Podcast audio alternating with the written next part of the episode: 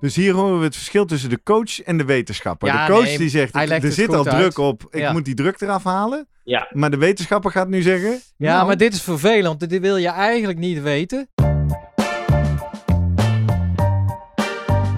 Welkom bij de Slimmer Presteren podcast. Jouw wekelijkse kop koffie met wetenschapsjournalist Jurgen van Tevelen en ik, middle-aged man in Lycra, Gerrit Heikoop. Over sport, onderzoek en innovatie. Voor mensen die hun grenzen willen verleggen, maar daarbij de grens tussen onzin en zinvol niet uit het oog willen verliezen. In deze aflevering praat ik met Jurgen over de dag voor de wedstrijd. Hoe pak je die aan? Eindelijk is het zover. De wedstrijd waar je zo lang naar uitgekeken hebt en met je al je ziel en zaligheid voor hebt getraind, staat voor de deur. Hoe zorg je dat de zenuwen, je enthousiasme en vertrouwen niet te veel onderuit halen? En wat kun je de dag voor een wedstrijd het beste wel of juist niet doen? Voordat we beginnen, nog even drie dingen om aan te denken als jij zelf ook slimmer wilt presteren. Nummer 1. Druk nu gelijk even op abonneren, zodat je altijd direct in de gaten hebt wanneer er een nieuwe aflevering online komt. Nummer 2. Weet dat je Jurgen en mij ook kunt boeken voor jouw volgende bijeenkomst als spreker of presentator. Neem gerust eens contact met ons op via de contactgegevens hieronder. En 3. Deze podcast wordt geproduceerd en gesponsord door Live Online Events. Serieus goede content rondom jouw congres of event. Check www.loe.tv voor meer info. Jurgen, Hey, goedemorgen. Het is weer vrijdag Ja. en het is een bijzondere vrijdag. Het is de dag voor een wedstrijd. Nou ja, het zou de dag Ja. voor een wedstrijd zijn. Waar wij niet alleen samen, maar ook eh, Guido Vroemen en een aantal vrienden van de show allemaal zouden gaan starten in Renkum. Dus daarom is hij al meteen eh, bij ons hier vanaf het begin. Guido, goedemorgen. Hey, goedemorgen. Wat Goedemorgen. fijn dat je er bent. De dag voor de wedstrijd, hoe voel je je? Ja, ik ben er klaar voor. Ja, precies. Alleen eh, hoe mooi had dit uitgepakt, eh waren het niet dat we dus eh eergisteravond te horen kregen dat de wedstrijd in Renkum helaas is afgelast vanwege blauwalg in het water. Eh, ja, dat kan ook gebeuren, zullen we dan maar zeggen. Ja, hoe erg is dat, eh, Guido? Als eh, arts, blauwalg? Nou, als je daarin gaat zwemmen en je krijgt er wat van binnen. En ehm, daar, krijg je, daar kun je in ieder geval heel ziek van worden en heel veel last van krijgen. Nou, dat is een Dus eh, het is niet terecht- gezond om daarin te zwemmen. terechte beslissing, dit. Ja, Lijkt me, hè? Ja. ja, ja, ja, weet je. En zeker omdat het, ehm, als het nou flink zou gaan regenen en het zou doorspoelen en zo, dan was het allemaal misschien nog wel voor elkaar gekomen. Maar ja, het zit er gewoon niet in. Nee. Nee. Nou, we hebben een leuke aflevering voor de boeg Desalniettemin. Want we gaan eens even kijken of er wetenschap is over wat je wel en niet moet doen voor een wedstrijd. We hebben van de week op onze social media kanalen, Twitter en Instagram, zijn we de Slimmer Podcast, hebben wij een vraag uitgezet. Wat onze luisteraars en volgers eigenlijk eh, absolute do's en don'ts vinden. Veel leuke reacties. Zullen we eens even met elkaar doornemen.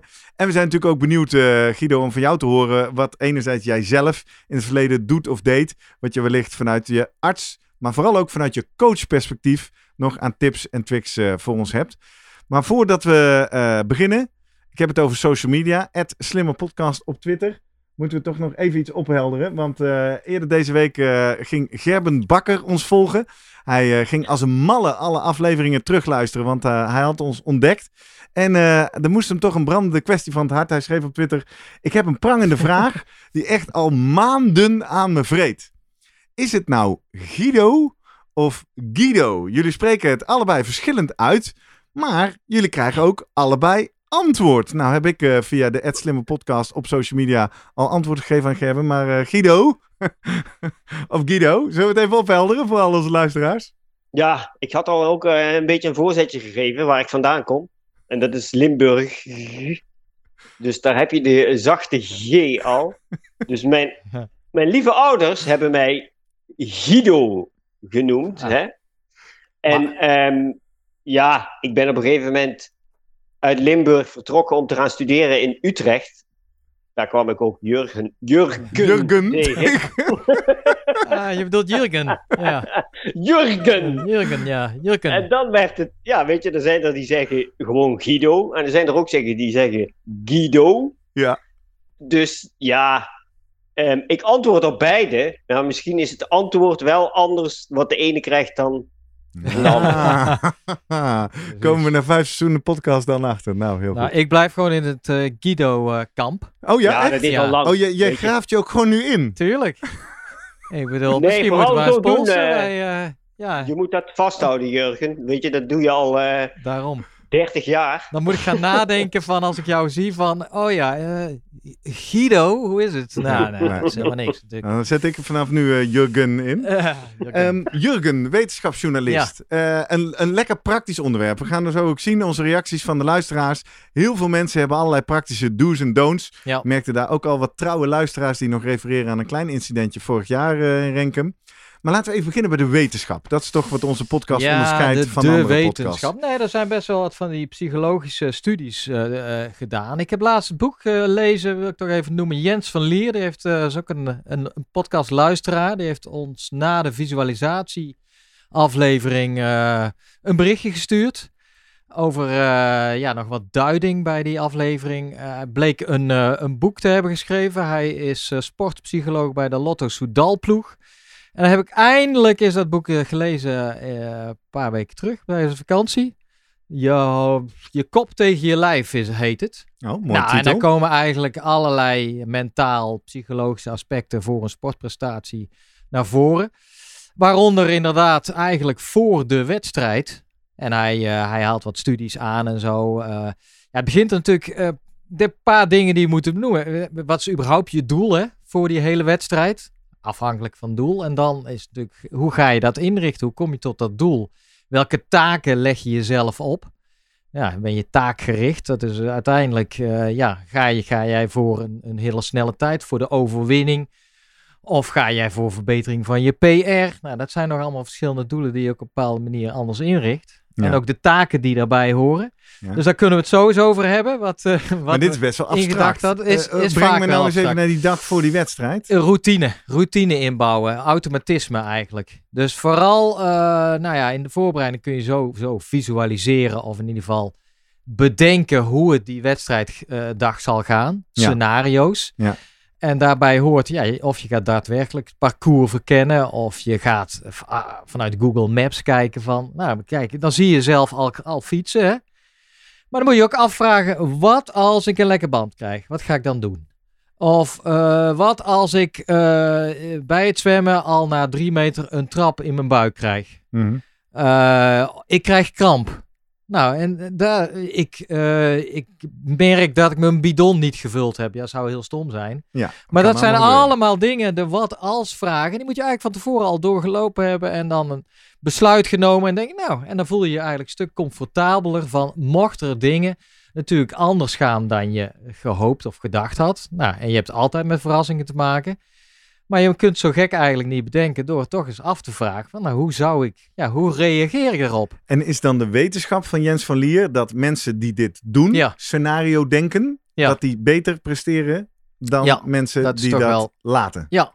Oké. Ja. Dus dit is En een dan- hele eerste, eerste belangrijke tip. En alles wat je natuurlijk eh, altijd leest bij eh, onder andere eh, tegenkomt, is altijd control de controllables. Hè? Alles wat jij op een bepaalde manier ja, onder controle hebt, nou, zorg ervoor dat dat in orde is. Ja. Nou, je hebt je fiets eh Materiaal. hebben we het Ja. al over. Ja, eh, ja, ja, daar de hele week sta ik al te poetsen. Ja. Denk na eh, welke voeding je gaat nemen en wanneer, welke sportdrank. en al het andere, ja, maak je daar niet druk over. Nee. In, in hoeverre als, ja goed, dat, en, nou, en dat is het een beetje van, ja, dat hoort denk ik ook wel bij een wedstrijd. Hè? Toch een beetje een verrassingselement eh, moet fijn zijn.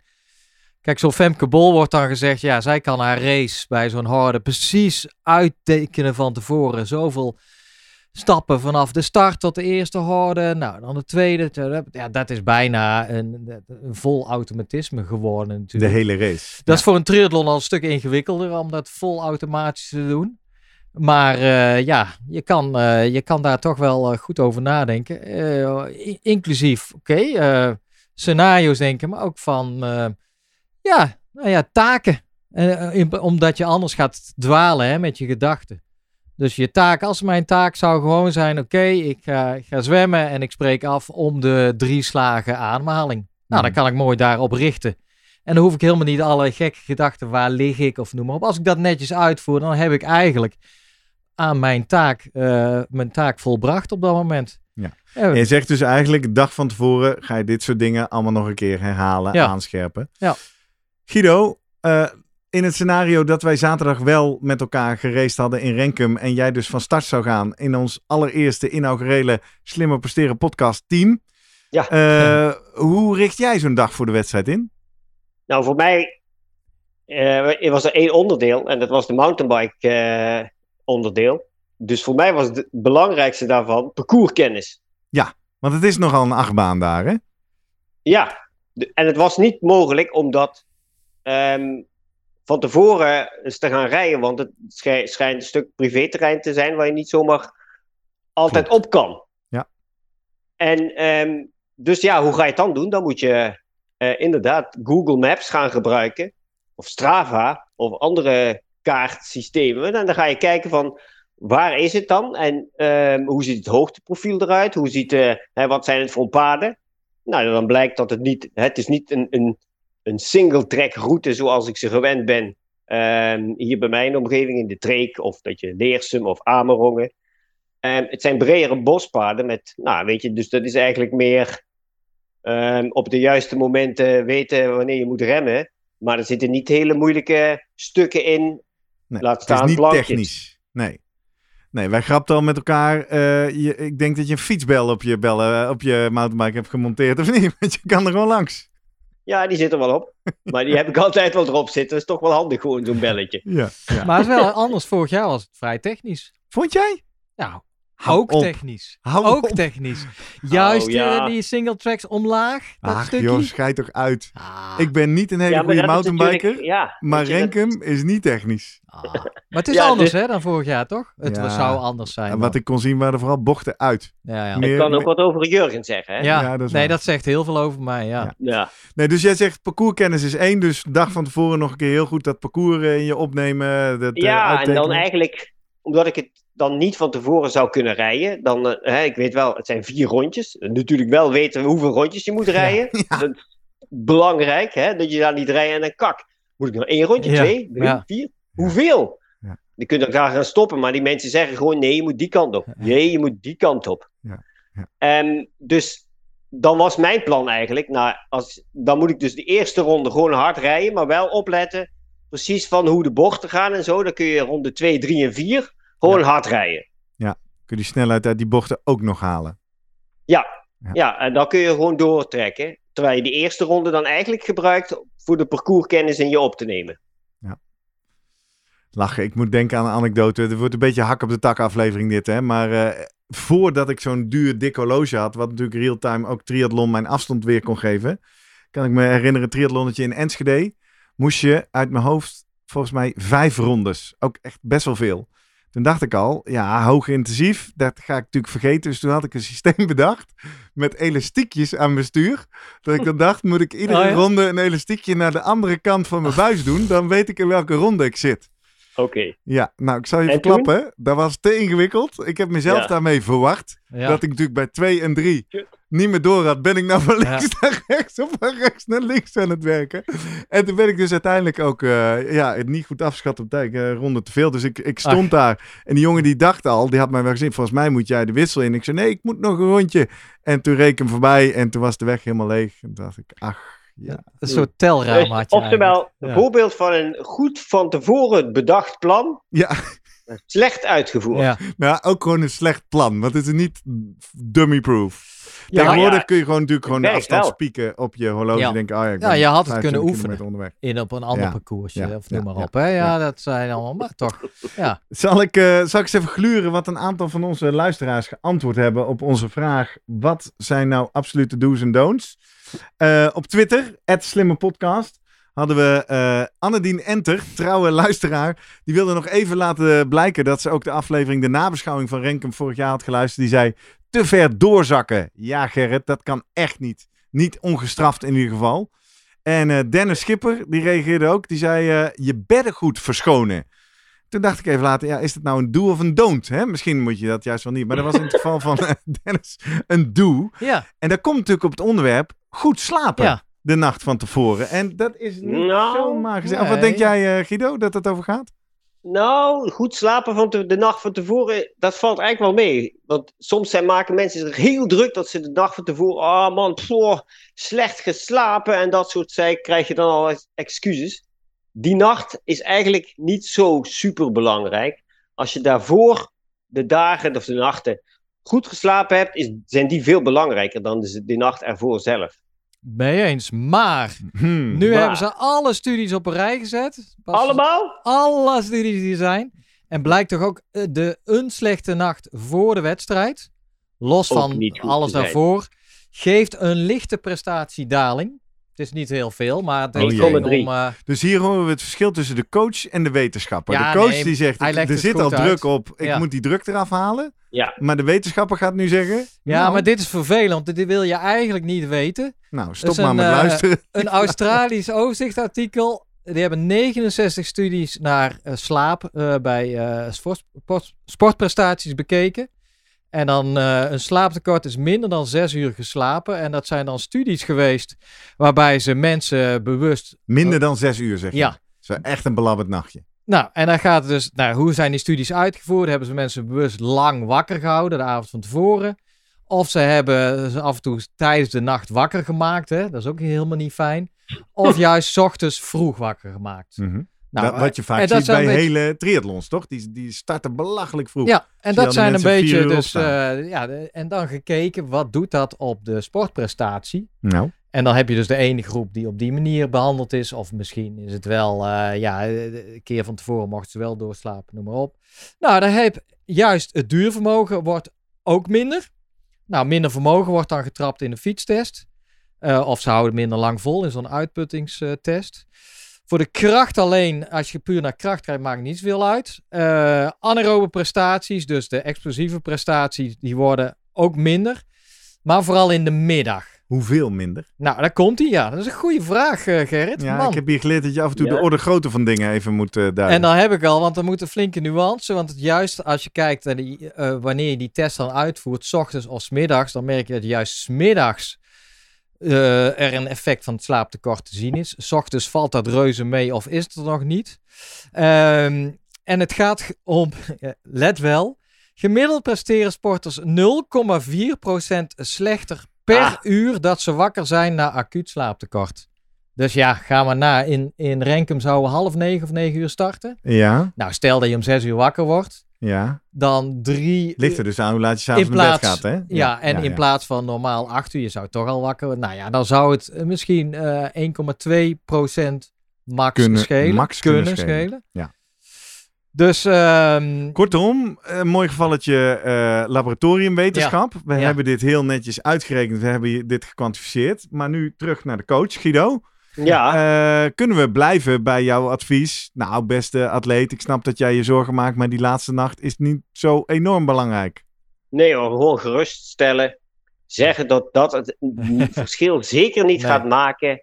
Focus, je hebt nou ja, maanden hiervoor getraind. Je bent goed voorbereid. Dat ene nachtje gaat jou niet uit jouw balans halen. En jij gaat gewoon goed presteren vandaag. En dat je tegenstanders hebben hier ook last van, denk ik. Hè? Toch? Nee, dat Meer. is het zo. En ik kan me Ja. voorstellen dat de mentale oppepper van je niet ongerust maken over een paar uur gemiste Ja, slaap zeker. een groter effect Ja. heeft dan 1,2 procent. En je kunt altijd, als je in het startvak staat, altijd naar je tegenstanders kijken. En dan zeggen: Slecht geslapen? Ik heb een studie, niet goed ik heb een podcast Ja, gehoord precies. waarin Jurgen alle Ja. studies over slaap op een rij heeft gezet. Dit gaat jouw procenten schelen, jongen. En Maar- dan, dan verzin je gewoon dat het 2% per uur Ja, is. of maar gewoon 3%. bluffen. Ja. Marginal gains. ja. Oké, dus slaap eigenlijk eh, de, de tips, hè, want we zijn do's en don'ts aan het verzamelen. De- ik hoor jou duidelijk zeggen, Guido, en dat, die ervaring deel ik zelf ook wel. Die twee, drie nachten voor de laatste nacht zijn eigenlijk veel belangrijker dan die allerlaatste nacht. Want za- vaak, als het, zeker als het een hele grote, lange wedstrijd betreft, dan ben je daar, de hele tijd- ben je daar nog echt wel in je hoofd ehm, mee bezig en druk mee. Dus dan slaap je gewoon minder, eh, minder diep, minder lang. Ja. En ehm, je bent gewoon nog dingen aan het verwerken en me- mee bezig in je hoofd. Dus dan is het slaappatroon. En je bent ook vaak nog, zeker wat je net zei, zo'n hele triathlon die moet heel vroeg beginnen. Ja. Dus nog vroeger opstaan. Dan ben je ook altijd bezig. van, Oh, moet me niet verslapen. Ja, Want, drie keer- oh. is, het- is het al zo laat? Nee, oh nee, Ja, nog goed. niet. Oh, één uur. Oh, gelukkig, ik kan nog even blijven liggen. Twee uur. En zo gaat het dan maar door. Ja. Ja, kortom. En dan zegt. Dennis Schipper dus, als je dat dan maar lekker met gewoon beddengoed doet. Ehm, laten we eens even kijken. Op Instagram, eh, wat is jouw absolute do of don't tip de dag voor de wedstrijd? Nou, we hebben echt veel reacties hoor. Ik splits het even op in een aantal bloemlezingen. Even kijken hoe ik dat zelf nu ook even goed voor mijn neus kan krijgen. Dat doe ik zo. Ja. Zo. Nou, dan hebben we Juri Veenstra. Die eh, refereert ook aan op tijd naar bed en geen alcohol drinken. Nou, dankjewel. Eh Michiel VDB, die schrijft... Don't experiment. En dat hebben we natuurlijk vaker hier in de podcast gehoord. Ook mijn eh, marathon vorig jaar en najaar. Geen experimenten vlak voor de dag voor de wedstrijd. Lotte, Lotte Koopmans, we kennen er wel, Ja hoor, eh, reageert ook. En die zegt ook, goed drinken... Maar dat bedoelt ze geen feestjes, jongens. En ze geeft daar nog een dikke knipoog op. Ook Nelleke schrijft geen alcohol de dag van tevoren. Ehm, dat zit allemaal een beetje in het eerste, in datzelfde ding. Ivo Havert schrijft dat ook. Geen alcohol drinken. Eh, dat is een don't voor alle duidelijkheid. Eh, Maar daar hebben ze dus allemaal dit wel ervaren en negatief ervaren, anders komen ze niet op, toch? Ja, ja, dat zal niet allemaal een referentie zijn naar mijn aflevering over Renkum vorig jaar, wou je zeggen. Bovendien, ik wil toch even hier onder record gezegd hebben, ik heb de dag van tevoren niet gedronken. Ik had twee dagen ervoor gedronken, maar ik ben inmiddels zo oud dat ik daar meerdere dagen last van heb. Maar, ehm, nou ja, oké, dus dat, eh, dat is duidelijk. Wat, ehm, dit is een thema, dus dat drinken. Ehm, wat ook een thema is, sluit een beetje aan wat jij zegt, eh, Jurgen, over routines. Aantal mensen, ik noem wat namen, die zeggen... Joke van de Ploeg schrijft alles klaarleggen, lijstje maken in je telefoon met wat je allemaal moet doen en je spullen. Dan staat daar ook, eh, ja, Mariska Rent schrijft dat ook, kleding klaarleggen, alvast inpakken. Ehm, van niks naar een halve schrijft nog niks veranderen. Life of Ferry schrijft ook, zorgen dat al mijn spulletjes al klaarleggen. Je ziet vaak, zowel bij triatleten of bij mijn marathon, eh, zie je dat ook hè. De, hoe, hoe heet het nou? De, de, man, de man naast het bed of zo? Dat Ja. je zo zeg maar al Ah, je ja. spullen die in je tas liggen zo langs elkaar zegt. Ja, ja. En dan is hier een tip. Maak er ook even een foto van. Dat is handig voor de volgende keer. Dan weet je gelijk allemaal wat je bij je had. Nou, ik zit wel, eh, ik, ik had het weer niet goed dit jaar met mijn fiets. Wat dan? Nou ja, ik weet nog, vorig jaar dacht ik van, toen kwam jij, toen had jij je fiets van Helemaal laten weggebracht. servicen. Ja, Ja, dat was drie maanden en, liever en dat scheelde enorm, had ik het idee. In ieder geval mentaal. In ieder geval mentaal, ja. Dus één ding wat ik, nou ik heb meerdere dingen van vorig jaar onthouden, maar één ding was, ah nu ga ik op tijd is die fiets laten wegbrengen. Kijk, ik eh, nogmaals, Guido had het, had het al door, ik ben niet zo'n mountainbiker. Ja, wat ben ik dan wel? Ik ben eigenlijk, ik ben eigenlijk wel niks op de hè. fiets Ik, gezeten? Hè? ik lul, ik lul over Hey, van alles even en een nog wat. tussendoorvraag. Heb je überhaupt wel op de fiets gezeten in voorbereiding op deze wedstrijd? Eh, nou ja, daar begint het al. Mijn laatste keer dat ik gemountainbiked had, was ergens in, in, in maart, denk ik, in de winter. Ja, Oké, en daarna begint het de wielen. volgende vraag. Daarna Komt begint het wielerseizoen.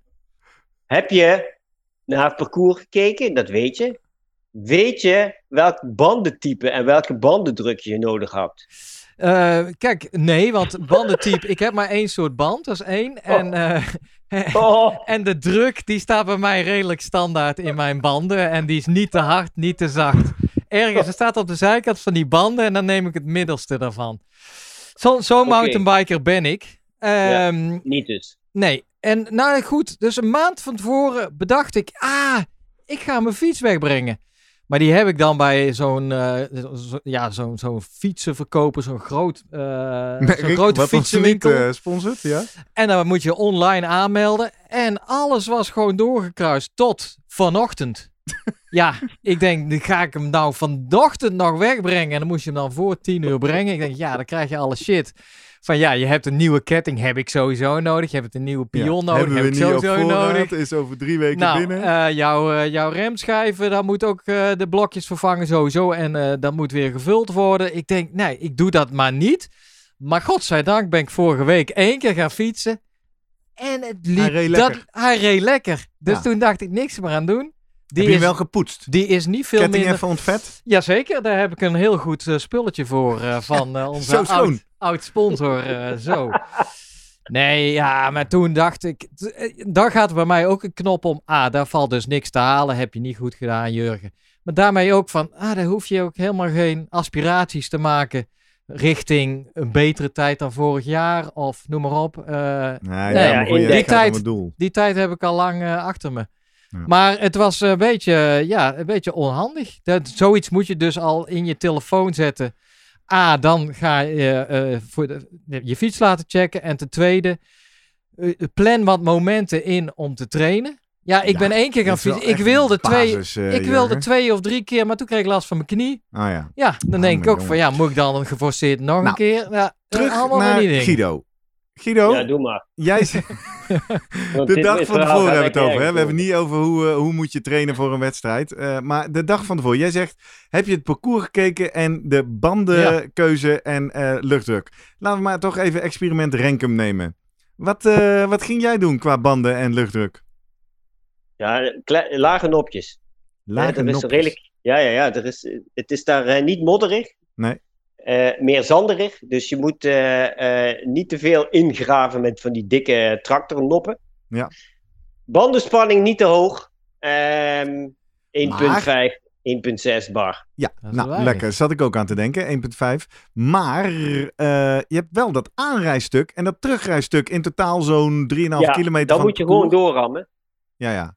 En dan moet je ook wel even letten, als je een scherpe bocht op het asfalt hebt, met een lage bandenspanning, doe dat niet gewoon met 30, 35 per uur, want dan lig je meteen onderuit. Aha, maar jij zou niet omdat...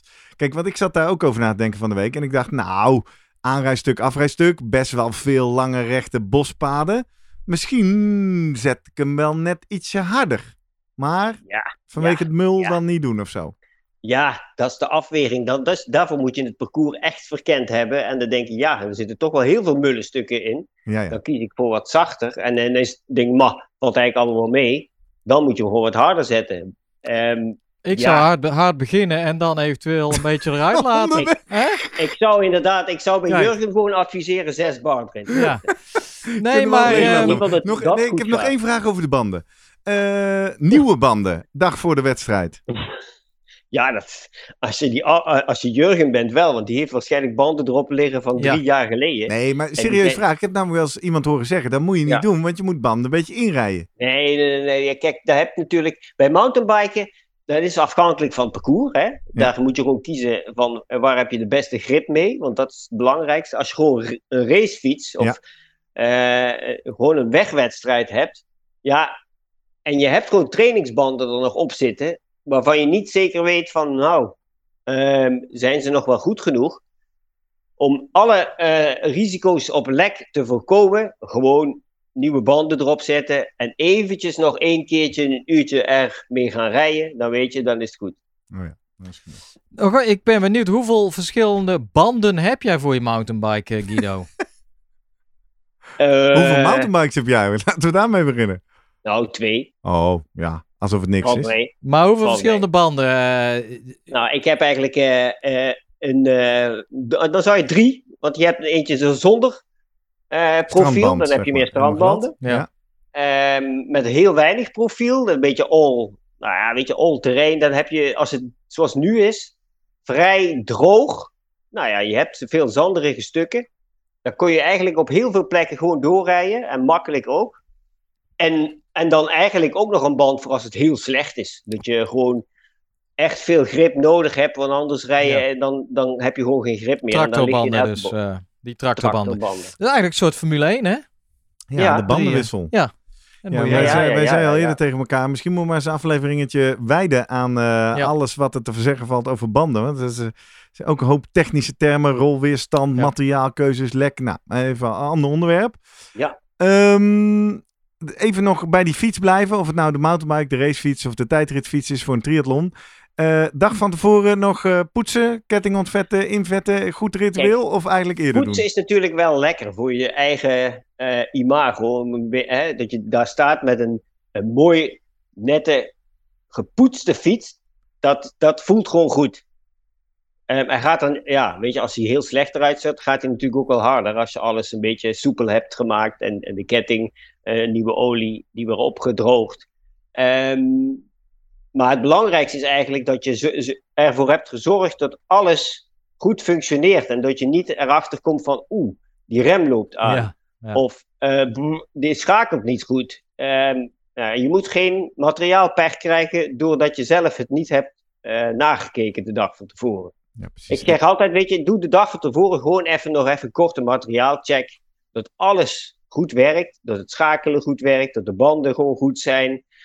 Ketting gewoon loopt goed, verder geen rare geluiden eraan. Ja. Dat is het belangrijkste. En ik moet zeggen, ik vind dat ook altijd inderdaad wel een soort lekker mentaal ritueel om erin te komen. Hè? Die fiets Ja. een keer even helemaal poetsen en dan denk ik, oh ja, dit is het beestje. Ja, je moet het eh, toch samen doen, hè? Ja, ja, precies. Maar ik vind wel, het wordt steeds eh, door die schijfremmen wordt Ja? het allemaal wat ingewikkelder. Ik vond vroeger kon ik wel, had ik meer, eh, had ik Ja. het idee dat ik veel meer zelf kon ja, ja. eh, dan tegenwoordig. Het wordt allemaal een beetje Je weet een groot tip, hè? gemaakt. Als je wiel eruit is, mag je niet in je rem knijpen, hè? Ja. Bijvoorbeeld. Ja, precies. Ja. Ook dan, weet je, als je dat gedaan hebt, dan, je moet gewoon een oude platte schroevendraaier bij je hebben. Want als je, dan kun je gewoon die schroevendraaier ertussen duwen en dan duw je die remcilinders wel weer naar buiten Oh, toe. Nou, dit is ook dus een dat- goede tussen. En daar heb je ook tegenwoordig ook wel toeltjes voor. Dus Ja. dan kun je gewoon even ertussen stoppen en dan eh, gebeurt je dat niet. Hm. Gewoon een En, plasticje. ja, veel filmpjes op YouTube tegenwoordig. Maar eigenlijk zou iedereen een cursus, vind ik, fietsenmaker een beetje moeten volgen. Leuk. Ja, basisdingen moet je wel kunnen. Ja, maar dit vind ik zit toch, eh, heel YouTube staat vol toch met, Ja. eh, hoe heet die Ja. fietsenmaker die je overal ziet, die al die filmpjes heeft gemaakt, de vloggende fietsenmaker. De, zoetemelk. Ja. Nee, nee, nee. Ik weet, Oh, niet? zijn naam ontschiet me, maar eh, die, die, heeft, die kom je overal tegen. Kan je niet omheen. Gerrit, heet hij. Nee, nee, nee, nee, nee. Ehm, ik pak nog eens even een paar luisteraarsreacties, want er zit wel iets van thema- thematiek in. Eh, Joep Ooms die schrijft nog eh, spaghetti eten, nog een bord pakken en alles klaarleggen voor de race. Klaarleggen, daar komt hij alweer.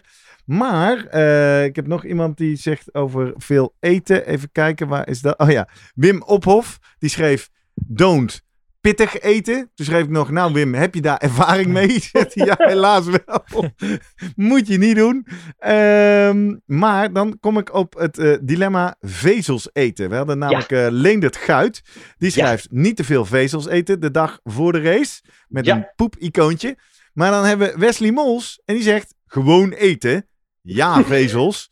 En bewegen. Extra laag intensief. Bewegen wil ik zo opkomen. Ja, ja. Maar even over het Ja, ja, ja. vezelthema. Want daar heb ik zelf Ja, ook nog wel heel eh, belangrijk. een ritueel mee. Ja, ja, ja, zeg jij Guido. Ja, daar kun, je wel, daar, kun je, daar kun je wel winst mee halen. Ah, vertel. Vezels zorgen, zijn natuurlijk heel belangrijk voor de eh, beweging van je darmen en de peristaltiek.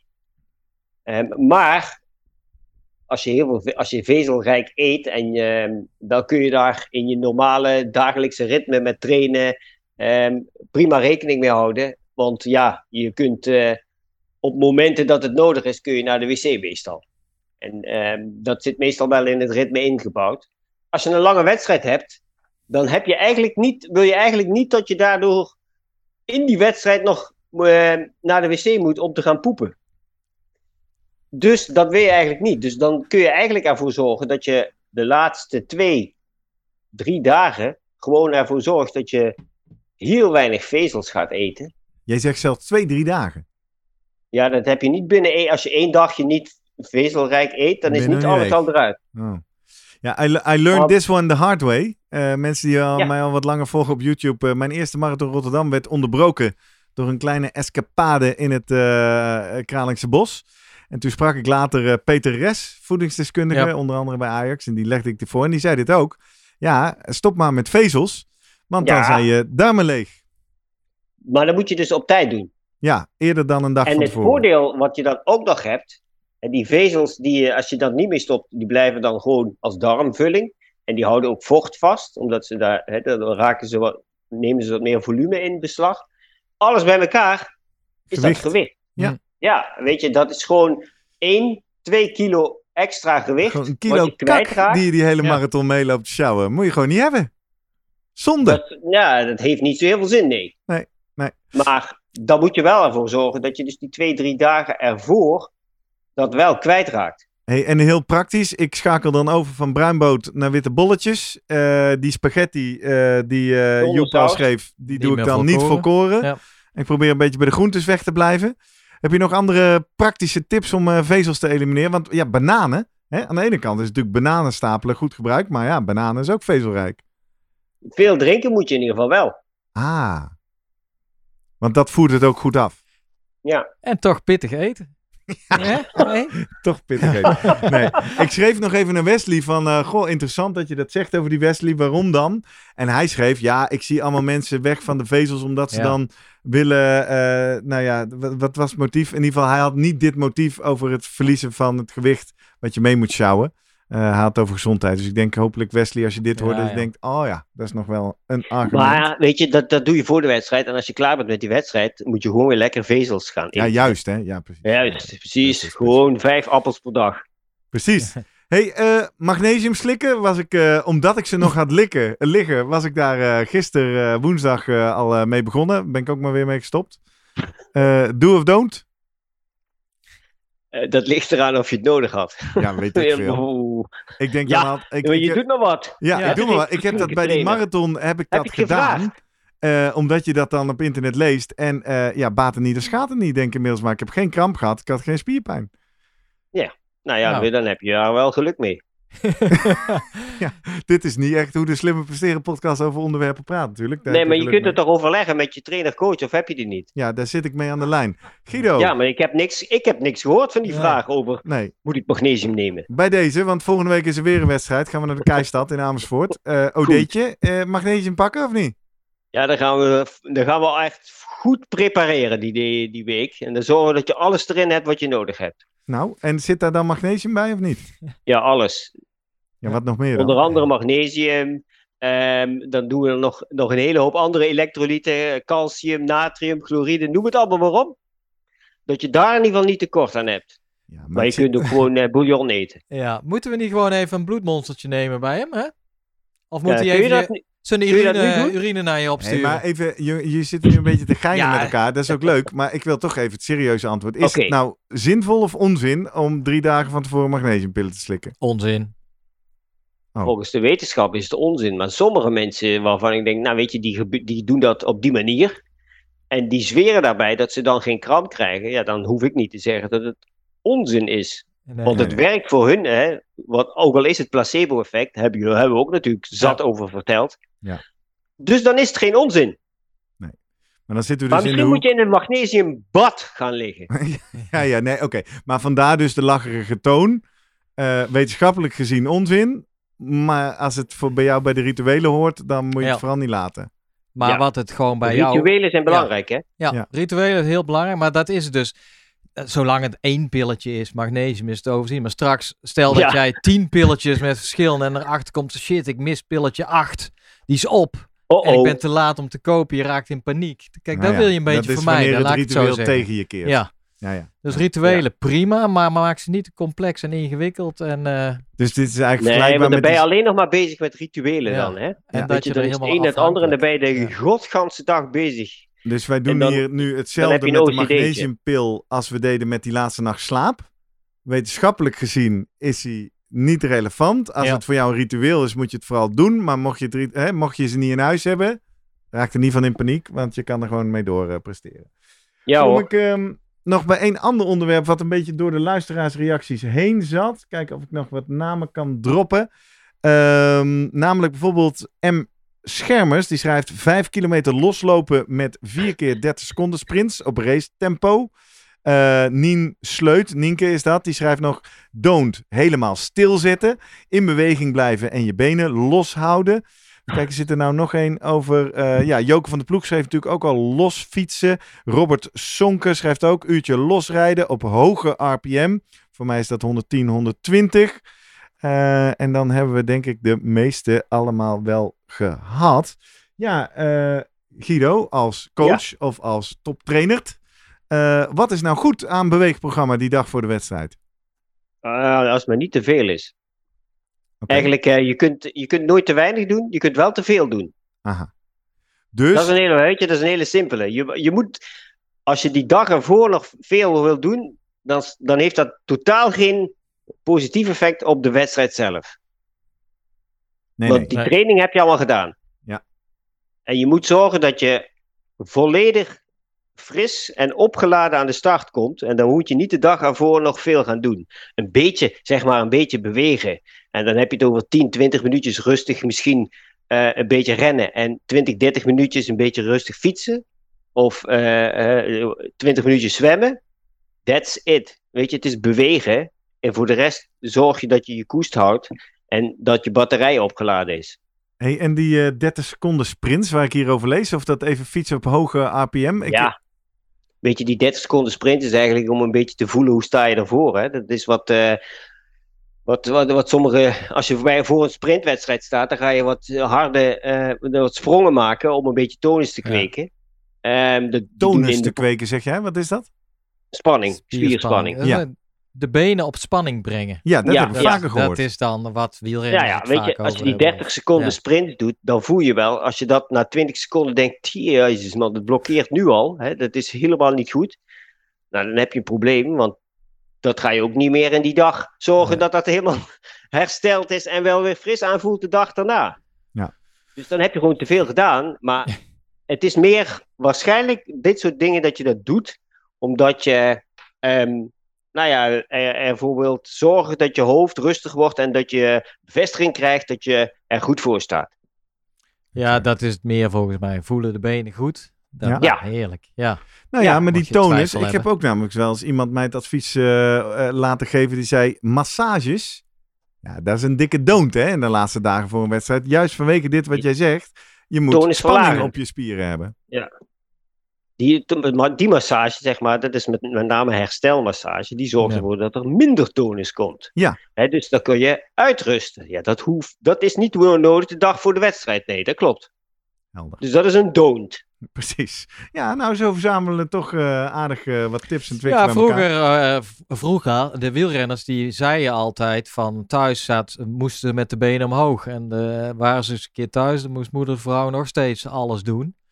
Dat is een beetje al achterhaald volgens mij. Hè? Dat wielrenners ook wel doorhebben dat je helemaal niet tijdens eh, of een, dag voor een wedstrijd of na de race per se met je benen omhoog moet gaan zitten. En vooral niet gaan wandelen en zo. Dat was dan ook uit de boze of hardlopen.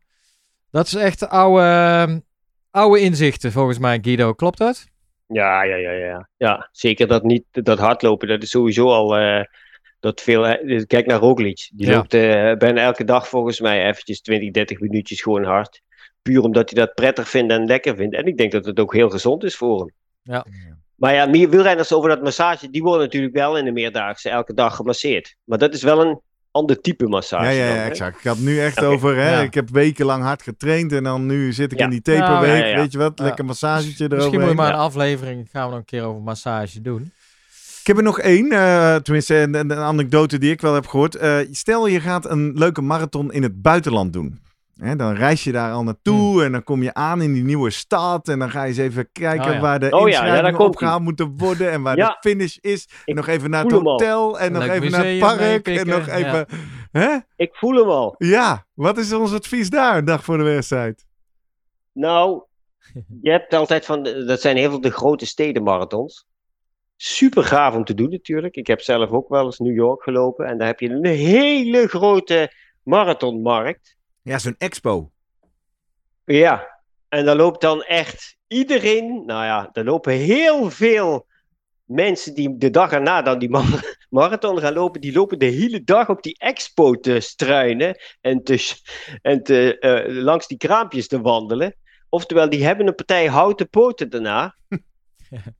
Als je daar naartoe gaat, omdat je je nummer waarschijnlijk daar nog moet ophalen en zo. Ga er even naartoe. Blijf er een half uurtje of zo even rond en ga dan weg. En ga naar huis of naar het hotel toe. En blijf daar niet uren hangen, want daar worden je benen echt niet beter van. Nee, hè? Dat vind ik nog wel Nee. een goede praktische tip. En dat is natuurlijk een beetje strijdig met maximaal genieten. Maar ja, Ja. eh, doe dat dan. Ja, de dag daarna is die expo weg. Maar ja. Ja. Ja, dat klopt. Dat is lastig, hè? Nou ja, maar ja, dat, als je het voor je. Kijk, als het, als je het voor de, de, het genieten doet, ja, dan kun je dat prima, dan kun je dat ook allemaal meenemen. En ehm, dan is het prima om daar alles, alles eh, op te snuiven. En dan is een 10 minuten, kwartiertje, half uurtje langer lopen. is ook nog meer genieten van die marathon. Als het je om de prestatie echt gaat, dat je daar echt gewoon goed wilt lopen, ja, dan zou ik dat toch heel erg beperken. Nou, nu we het daar over hebben, ik was benieuwd. Ja, ik gaf mijn doel. Ja. Oh ja, we hebben het nog niet eens over onze doelen gehad. Kijk, mijn doel was dus vrij eh, laag, eh, of tenminste, anders denk ik. ingeschat denk ik dan jullie doel, of jouw doel. Dus dan ben ik, kijk, kijk, mijn doel, jij vroeg nog, volgens mij eerder deze week, en wil je je tijd van vorig jaar verbeteren? Ja, dat was het niet. En toen reageerde ik, Toen nee, dekte jij jou al meteen in. Ja, ik zei nee, maar het wordt warm en eh nee, Oh. mijn ander parcours, noem maar op. Excuses. Nee, mijn, eh, kijk, vorig jaar is, heb ik toch nog even een, een klap van de molen gehad. Ook al was het fantastisch dat ik op het eind me echt kramp kreeg. Nou, daar ben ik echt van geschrokken. Dat ik even moest stoppen zelfs. En dat eh, Remco Boy heeft mij eigenlijk gered. Want die stond iets verderop mij toe te juichen. Ik denk, ja, nou kan ik het niet maken om te gaan wandelen. Dan ben ik gewoon weer gaan lopen tot de finish. Ah, maar Remco uit Renkum stond dit jaar ook alweer klaar, hè? Wat moet die zaterdag nou ja, doen, hè? nee, precies. Dus ik heb bij mij gewoon weer een, een, heer, een fijne eh, ja, een triathlon doen. En Heb jij nog het- niet geraced dit jaar? Heb je Nee. nog geen triathlon Nee, gedaan? dat was mijn, eh, dus vandaar dat mijn eh, Ah. gewoon lekker zonder kramp. En ja, dan hoop je eigenlijk bij het hardlopen, dacht ik, zoiets van een negative split lijkt me wel ook wel mooi. Rustige eerste ronde, tweede. Nou, dat was mijn doel. En wat dan? Dan, dan heb je natuurlijk wel in je hoofd een beetje waar je op uitkomt. Ja. Maar wat was jouw doel, eh, Gerrit dan? Ja, dat is allemaal hypothetisch. Met al die trainingen Ja, met natuurlijk. al die Ja, trainingen. Ja, nou dat ja, dus. Hè. Dus eh, sneller. kijken, kijken of ik een beetje fit uit de zomer ben gekomen. Eh, wel Ja. ook vooral genieten, want het is natuurlijk gewoon een prachtige eh, omgeving. Ja. Maar wel, wel harder. Harder dan hoe ik daar twee keer eerder heb gepresenteerd. Ja, Ik bedoel, ik zit Ja, nu ja, toch eh, acht maanden onder training van ene Ja. Guido Vroemen. Ik denk, die vruchten Ja. wil ik toch wel even plukken. ja, maar je hebt niet specifiek heel veel mountainbike getraind, denk ik. Nee, van de week kwam die voor het eerst in het Ah. schema. Ga nog even Ja, de heuvels nog even- opknallen. Ja, leer, leer ze hem Amerongen even rijden voor het gevoel. Dan heb je dat ook ja, alweer. ja, dat was al voldoende. En zwemmen heb ik ook niet Ja, zoveel want toch even, jou, eh, Guido, voor, voor de capaciteit. eh, er was natuurlijk, ik kwam van vier weken vakantie, kon ik alleen maar lopen. Dus we hebben de afgelopen twee weken vooral op de weg fietskilometers gemaakt. Hè? Ja, ja, ja. Ja. Daar even opbouwen en dan van de week nog even. En dat was wel fijn hoor, want ik ben vier keer bijna met mijn voorwiel weggeschoven. Dat ik dacht, oh ja, oh ja, zo moest het. Maar is Ja, het maar ook... Is toch iets lastiger dan het parcours in Renkum. Hè? Ja. Dus Dat klopt, het is technischer. Maar is Ja. het ook dat coach Vroemer weinig kan met jou op de mountainbike, omdat je geen vermogensmeter daarop hebt? Ja, vraag het aan de coach zelf. Coach Guido? Nou, ik weet hoe leerzaam Amerong er is. Dus ik heb het een beetje zo. Ik weet dat het daar af en toe wel een beetje op en af gaat. Dus, en dat gaat best wel vaak. Dus dan kun je ook gewoon de intensiteiten dan een beetje daardoor eh, verdelen. Alleen ik kan niet zien hoeveel intensiteit hij dan die berg op knalt. Ja. Nee. Ja, dus achteraf denk ik, ja, dan kan ik niet zien of hoeveel, of die daar nou in verbeterd is of niet.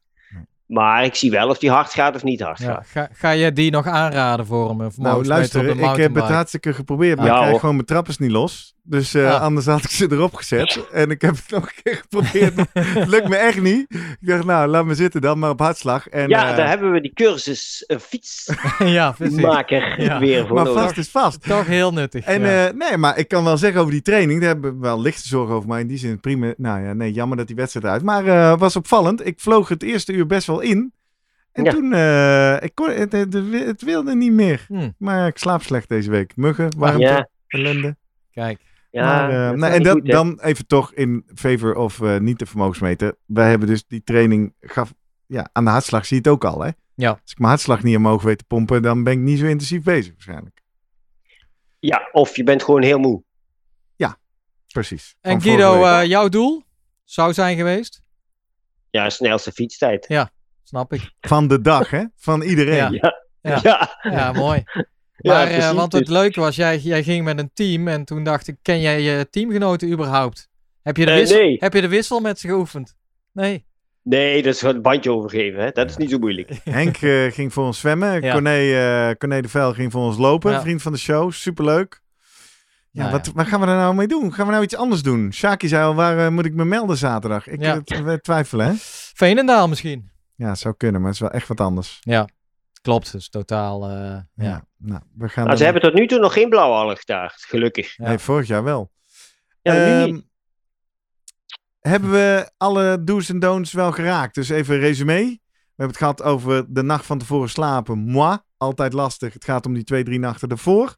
Over die twee, drie dagen ervoor gesproken, minder vezels eten. Helpt je, minder gewicht om mee te slepen. Op de dag zelf vooral focus op visualiseren, scenario denken, spullen klaarleggen. Ja. Eh, materiaal checken. Ja. Ja. Geen alcohol drinken. Nou, die is ook wel duidelijk. En eh, geen nieuwe schoenen, zoals uh, Oh ja. Abdi laatst over Geen experimenten, Ja. stick to the Ja. plan. En als dan toch de twijfel keihard toeslaat, Ja.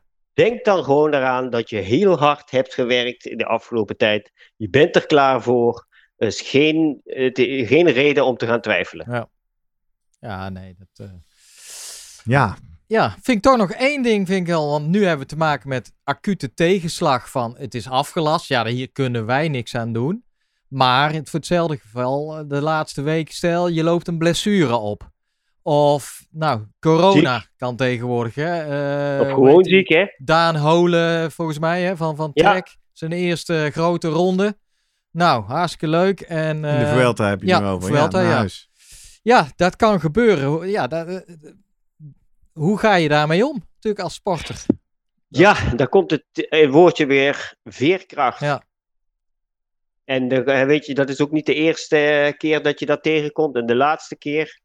En sommige sporters die ik begeleid, daar denk ik van, jeetje, hoe- hoeveel tegenslag moet, moet hij nog krijgen? Hè? En hoeveel veerkracht om daar weer bovenop te komen, moet hij nog tonen? En nou, toch is het altijd weer na een enorme teleurstelling, doordat je ehm, eh, geblesseerd raakt, eh, ziek wordt, ding, waardoor een wedstrijd niet eh, door kan gaan. Toch weer terugkomen na een paar dagen en dan komt dat vuurtje, begint dan toch weer te branden. Die intrinsieke motivatie bij veel sporters is echt zo groot. En dat ze dan ook weer het plezier daarin krijgen, dat is echt tekenend voor de, de, de tops, of nou ja, eigenlijk de sporters die heel veel waarde hechten aan hun sport. En daar dus heel, veel- heel blij van worden. Nou, ik merk, ik ben ook niet, ja, teleurgesteld. Ja, ik vind het jammer. Jongen, Maar ik kei teleurgesteld. Nee, nee, En- heb ik niet. Want voor mij gaat de weg daar naartoe. Vond ik veel leuker. Ja, ik nee, ik dat had het ja. Je hebt meer getraind dan ooit. Ja, vond ik heel ik- leuk om te Voor zien. mijn doen was ik hartstikke fit. Hè? Ik bedoel, Het is, nou. ja, en ja, nou, ja, jammer dat dit dan niet. eh, nou, ja. Ik, ik dat heb neemt je niemand af, hè? Die, hè? die, eh, die die fitheid. trainingen nee, pak ze niet meer af. Maar Zie er goed uit, hè? Voor Ja. mij, ja. lekker Ja, ja, ja, absoluut. Zeker. Nou, Nou, ik vond, ik vond in, specifiek in deze aflasting vond ik dubbel. Want ik merkte, ik was mentaal al lang aan het anticiperen op dat dit ding niet door zou gaan. Want vorige Ja, week ja. kregen we het bericht, laagste stand ooit in de Ja. Rijn. Overal droger dan ooit, lage kaas. Dus ik denk, zal je net zien, gaat niet door. Dus daar was ik al op voor aan het sorteren. Maar toen kregen we dinsdag Ja. expliciet een mail en eh, social media berichten uit Renkum. Nou, we horen dat er zorgen zijn of het niet door zou gaan. Niks aan de hand. Gaat Nee, hartstikke door. En nogmaals, dit is niet naar de organisatie van RZC, want die hebben waarschijnlijk dezelfde teleurstelling. Ja. Want blauwalg vaststellen, ja, dat doen ze gisteren. Dus dat vond ik een soort extra knak. Ik ben wel blij dat er nu volgende week Keistad in Amersfoort achter staat. En ik ben blij dat die OD triathlons voor mij, los van dat ik triathlon heel leuk vind. Ik heb nu ook mijn grotere doel, de Marathon van Amsterdam op 16 oktober. Dus ik denk, ja, weet je, Je het draagt ja, allemaal precies. bij aan de fitheid na. nieuwe doelen heb Als je dit gewoon weer. echt ja. mijn grote event van het seizoen zou zijn Ja. geweest, Ja. zou ik er echt heel ziek van zijn. Ja, dat mag ook. Ja, Nou, maar dat, weet je, dat mag dan ook. En je, weet, je, maar de weg er naartoe precies. Dat is ook moet zo. je- is natuurlijk, ja, daar moet je eigenlijk ook van genieten. En Ah, dat is ehm, zeker zo. het doel alleen, het reisdoel alleen, is dan niet heilig. Dus ik denk toch, een backup hebben is altijd goed. ja, nee. Een backup wedstrijd. Ja. Dat Ja. je dus niet die focus... Tuurlijk, af en toe moet je focus misschien. nou, ja, precies. Maar ja, het Maar heeft ik denk eerder wat je wilt, dat, dat er... Want dit, eh, dit heb jij meer ervaring mee dan wij, eh, Guido. Maar dat hoor je wel. Mensen bijvoorbeeld die een hele triathlon gaan doen. Dat Ja. is natuurlijk zo'n groot Ja. doel. Er is Ja. niks daarachter. Nee. En dan krijg je natuurlijk het zwarte gat en zo, hè? Ja, het zwarte gat, weet je, je moet, ehm, zeker als je, als je focust, eh, kijk, ik wil, je hebt mensen die dan een jaar trainen om een hele triathlon te gaan doen. En dan niet zozeer omdat ze dan ergens willen winnen, nee, gewoon, ze willen die Om het te volbrengen. goed finishen. Ja. En als dat op het laatste moment, stel dat het met dit zo, zo een, een reden, nou ja, niet zozeer blauwalg, maar iets anders, eh, waardoor het niet zou doorgaan, dan is dat natuurlijk echt een hele, hele, hele grote tegenvaller. Ja. En dan is het wel goed dat je eigenlijk tijdens die periode waarin je aan het trainen bent en je hebt die wedstrijd, dat doel staan, dat je daar ook over nadenkt. Want wat als die wedstrijd niet door kan gaan? Wat doe ik dan? Ga ik dan kijken naar een week, een maand later? Want er zijn natuurlijk nog zat wedstrijden. Hè, dus het is niet het einde, want ja, je hebt nog meer mogelijkheden om die wedstrijden te doen. Ja. Het kan ook een blessure zijn waardoor je die wedstrijd op dat moment niet kan. En dan zul je je, je plan nou ja, anders moeten gaan inrichten. En even een stapje terug moeten doen, waarna je eigenlijk daarna het weer op kunt pakken en door kunt. En dan zijn we eigenlijk rond, want dan zijn we terug bij dat scenario denken waar Ja. jij eh, mee begon, Jurgen. Ja. Dus ook het, het doel zelf in een scenario zetten. Ja. Er zijn, er zijn meerdere Ja. opties. Ja. Ja. Mooi. Nou ja, wij gaan ons nog eens even beraden vandaag wat we nou eh, morgen gaan doen. Ik denk maar gewoon eh, een harde koppeltraining of zo. Hè? Lekker brikken of zo. eh mountainbiken en hardlopen. Of gewoon op de tijdritfiets met nieuwe bandjes. Ehm, Guido, nog Ja, een laatste uitsmijter of tip toe te voegen aan dit thema? Wat doe je juist wel of juist niet op de dag voor de wedstrijd? Ehm, nou ja, in ieder geval blijf bewegen. Ook morgen, ook al gaat het niet door. Ehm, met veel plezier eh, gewoon altijd eh, op je fiets hardlopen of gaan zwemmen. Dat is eigenlijk eh, eh, waar je eh, nou ja, mee bezig moet blijven. Daar zit de lol. Ja, Ja. precies. Mooi. Jurgen, jij al een idee wat je gaat doen eh, morgen? Toen zie je toch een mailtje naar Veenendaal even sturen. Toch hè? Ja. Ja. ik wil ook. Ik heb wel zin om te racen dan gewoon. doe ik een achtste gewoon. Lekker, Echt? eh, ja. Ach jongen, Knie, dat is goed. Ja, maar je moet in Knie. Amersfoort doe je ook al de achtste. Hè? Ja. Goed, nou. eh, we gaan afsluiten. We hebben inderdaad nog een aantal leuke evenementen voor de boeg. En zoals je van ons gewend bent, ga ik op het einde van de aflevering natuurlijk even vertellen hoe je met ons kan interacteren. Je hoorde in deze aflevering al heel veel mensen voorbij komen die dat doen. Bijvoorbeeld op social media zijn we de Slimmer Podcast op Twitter en Instagram. Daar, kun je, eh, daar vind je van iedere aflevering een post. Die kun je retweeten, daar kun je hartjes aan geven, daar kun je op reageren. En eh, af en toe, en hopelijk steeds vaker als ik de tijd vind, doe ik eens zo van dit soort eh luisteraars-interactie-polletjes. En dan eh, maak je dus ook kans dat jouw naam voorbij komt in de aflevering. Dus eh, als je het nog niet doet, druk gelijk even op volgen op Twitter en Instagram. @slimmerpodcast. Je kan ook naar onze website www.slimmerpodcast.nl. Vind je van iedere aflevering een eigen pagina. Die kan je door WhatsAppen rondsturen. En daar kan je op die pagina ook reageren. Of je kan naar ons mailen via post.slimmerpodcast.nl. En dan wil ik toch dit moment even pakken om stil te staan bij wel een heel mooi stukje fanmail. Wat wij eh, afgelopen zomer in die eh, post.slimmerpodcast aantroffen. Van Jeroen Vos.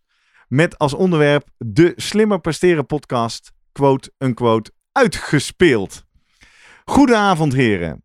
28 september 2021 had ik een gesprek met vriend van de show, Corné. Is dat Ah. die Corné van ons team in Renkum? Ja. dat is die Corné. Over schoenen. En hij stuurde mij jullie aflevering door over dit onderwerp. Vanaf toen ben ik elke week de nieuwe afleveringen gaan luisteren en tussendoor de oudere eruit gepikt waarvan de onderwerpen mij aanspraken. Toen ik daar doorheen was, ben ik alles wat ik miste chronologisch gaan luisteren. Wat hierbij opviel was dat ook onderwerpen waarvan ik dacht dat het een ver van mijn bedshow zou zijn, of ik toch alles al van dacht te weten, tussen haakjes soms wat eigenwijs, schrijft Jeroen, achteraf ook zeer interessant bleken te zijn. Een mooi voorbeeld hiervan zijn de doping specials, tussen haakjes ver van mijn bed en niet alles weten. Ik zou, en beste luisteraar, deze is voor jou, ik zou mede-luisteraars met hetzelfde gevoel dus zeker aanraden toch te luisteren, omdat je altijd weer wat opsteekt. We gaan nog even door, hè? Het is echt een hele mooie mail. Dankjewel, Jeroen. De kracht van jullie podcast is mijn inziens dat de onderwerpen en dilemma's allemaal zeer herkenbaar zijn. Het op een leuke, toegankelijke en enthousiaste manier gebracht wordt, maar toch met een gedegen wetenschappelijke onderbouwing. Hm, vandaag misschien wat minder, maar het was dan weer wat leuker. Daarnaast zijn de tips laagdrempelig. Veel tips in deze aflevering, moet ik toegeven. En direct toepasbaar voor gasten als ik, die naast een drukke baan toch lekker fanatiek trainen, steeds op zoek naar verbetering. En oh ja, volgend jaar gaat mede door jullie enthousiasme mijn eerste triathlon plaatsvinden. Helaas past dit vanwege mijn gebroken duim in het voorjaar, andere doelen in het najaar, dit er in 2022 niet meer in. Hopelijk houden jullie het nog heel veel halve marathons vol. Goed, Jeroen Vos. Nou, super, Super, toch? ja. Hè? Juichknop? Ja, Sander? Alert? Ja, nou, Ah, moment gemist. Doet. Zo. Nou, Sander, wakker blijven, hè? Daar is hij. Hey, dankjewel Jeroen. Vind je het ook leuk om ons een berichtje te sturen? Eh, mail naar post.slimmerpodcast.nl Ik zag eh, al wel weer wat mooie berichten binnenkomen. Eh, we lezen ze altijd, zeggen we dan. Soms duurt het even voordat we ze beantwoorden. Maar eh, eh, we vinden het superleuk. Daarmee komen we aan het eind. Eh, Ja. Gaan we lekker de warmte in. Gaan we ons beraden op een leuk weekend. En eh, voorbereiden op de volgende race. Volgende week alweer. Keistad Triathlon in Amersfoort. Mocht je Als meedoen. die doorgaat. Ja. Als die doorgaat, ja. ja. je weet Nou, laten we daar maar vanuit gaan. Ja. Guido, tot volgende week. Tot volgende week. Ja, tot Jurgen, volgende tot volgende week. Ja, tot volgende Hoi. week. Hoi, hoi.